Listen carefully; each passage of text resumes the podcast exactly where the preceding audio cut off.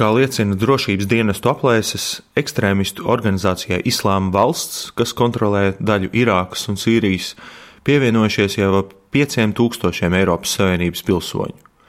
Īpaši daudzi no viņiem, šobrīd jau vismaz 650, nāk no Vācijas.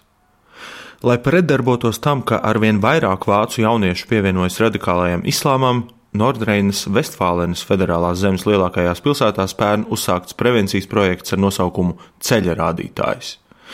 Ja drauga, klases biedra, tuvinieka vai kaimiņa uzvedībā manīts pārmaiņas, kas rada aizdomas par radikalizēšanos, par to var anonīmi ziņot projekta pārstāvjiem. Projekta darbinieki viņus uzrunā un cenšas mainīt viņu domas. Tā valsts iestādes mēģina apkarot vardarbīgo reliģisko fanātismu jau pašā saknē, skaidro integrācijas speciālistu Koleta Manemanne, kura atbildīga par projekta īstenošanu Bonnā.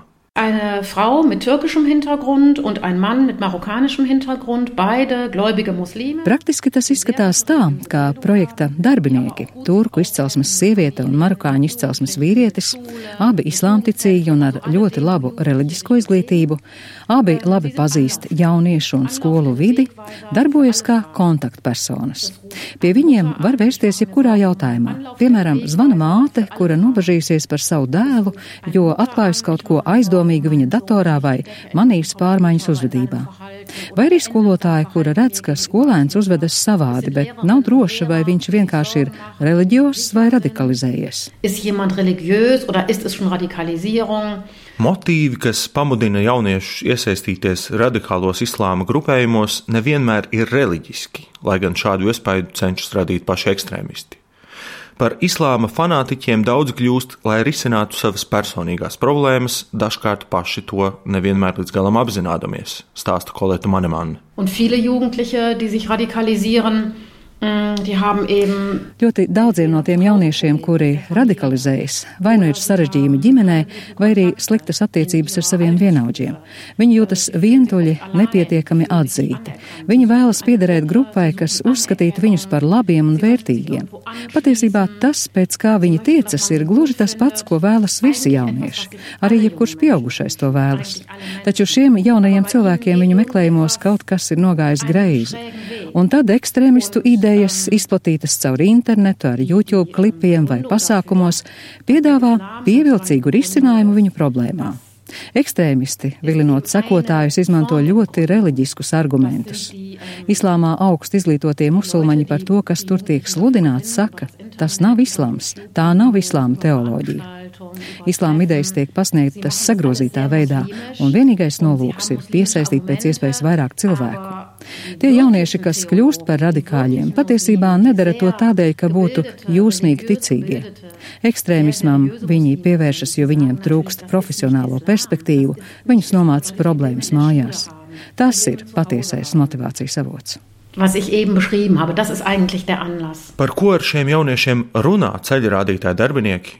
Un vai tiešām ar runāšanu var ietekmēt kādu, kurš jau pievienojies Islāma valstī, devies karot uz Sīriju un varbūt jau plāno teroraktus?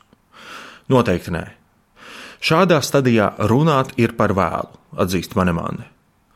Lai gan palielinās tādu cilvēku skaits, kuri jau kādu laiku pavadījuši Islāma valstī, atkal vēlas atgriezties mājās un saraut visas saites ar ekstrēmistu organizāciju, pie šāda lēmuma viņi var nonākt tikai paši. Tad, kad pārliecinājušies, kas patiesībā ir šī organizācija, kad sapratuši, ka viņi ir nekas vairāk kā rīks tās rokās un tikpat zvērīgi, kā šie ekstrēmisti izrīkojas ar saviem ienaidniekiem, var reiz izrīkoties arī ar viņiem pašiem.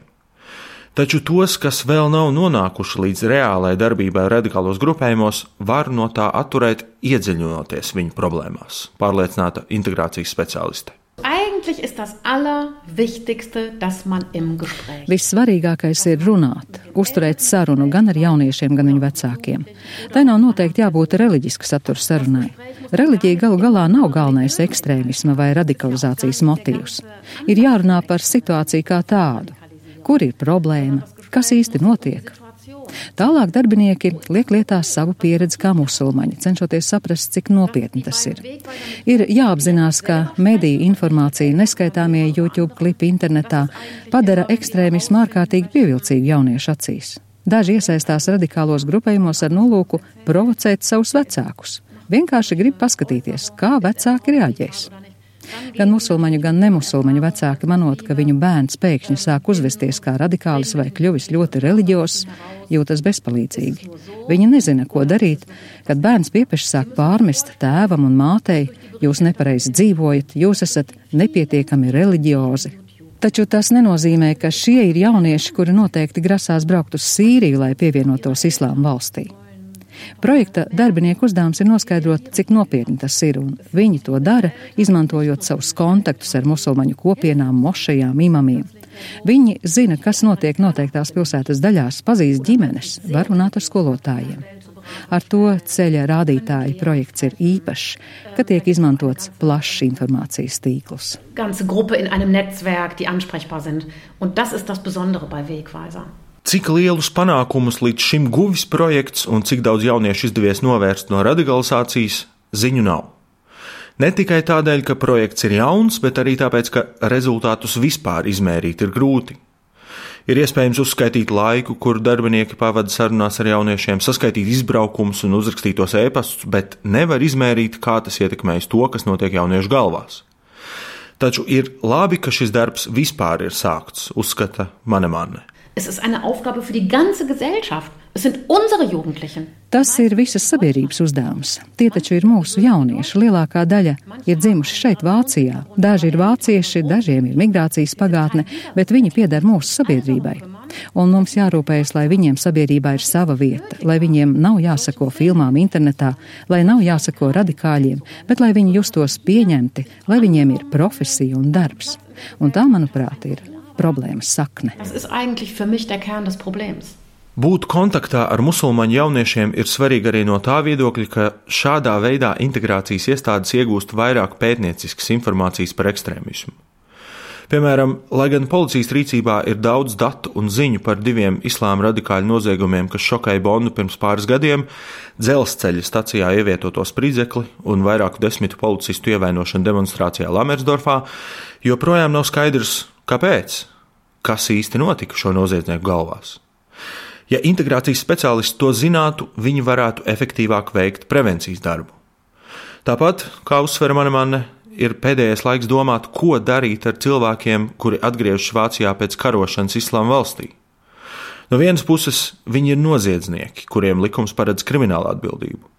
No otras puses, ja viņi vēlas atsvabināties no savām saitēm ar islāma valsti, viņiem ir jāpalīdz un jāpasargā no citu ekstrēmistu atriebības.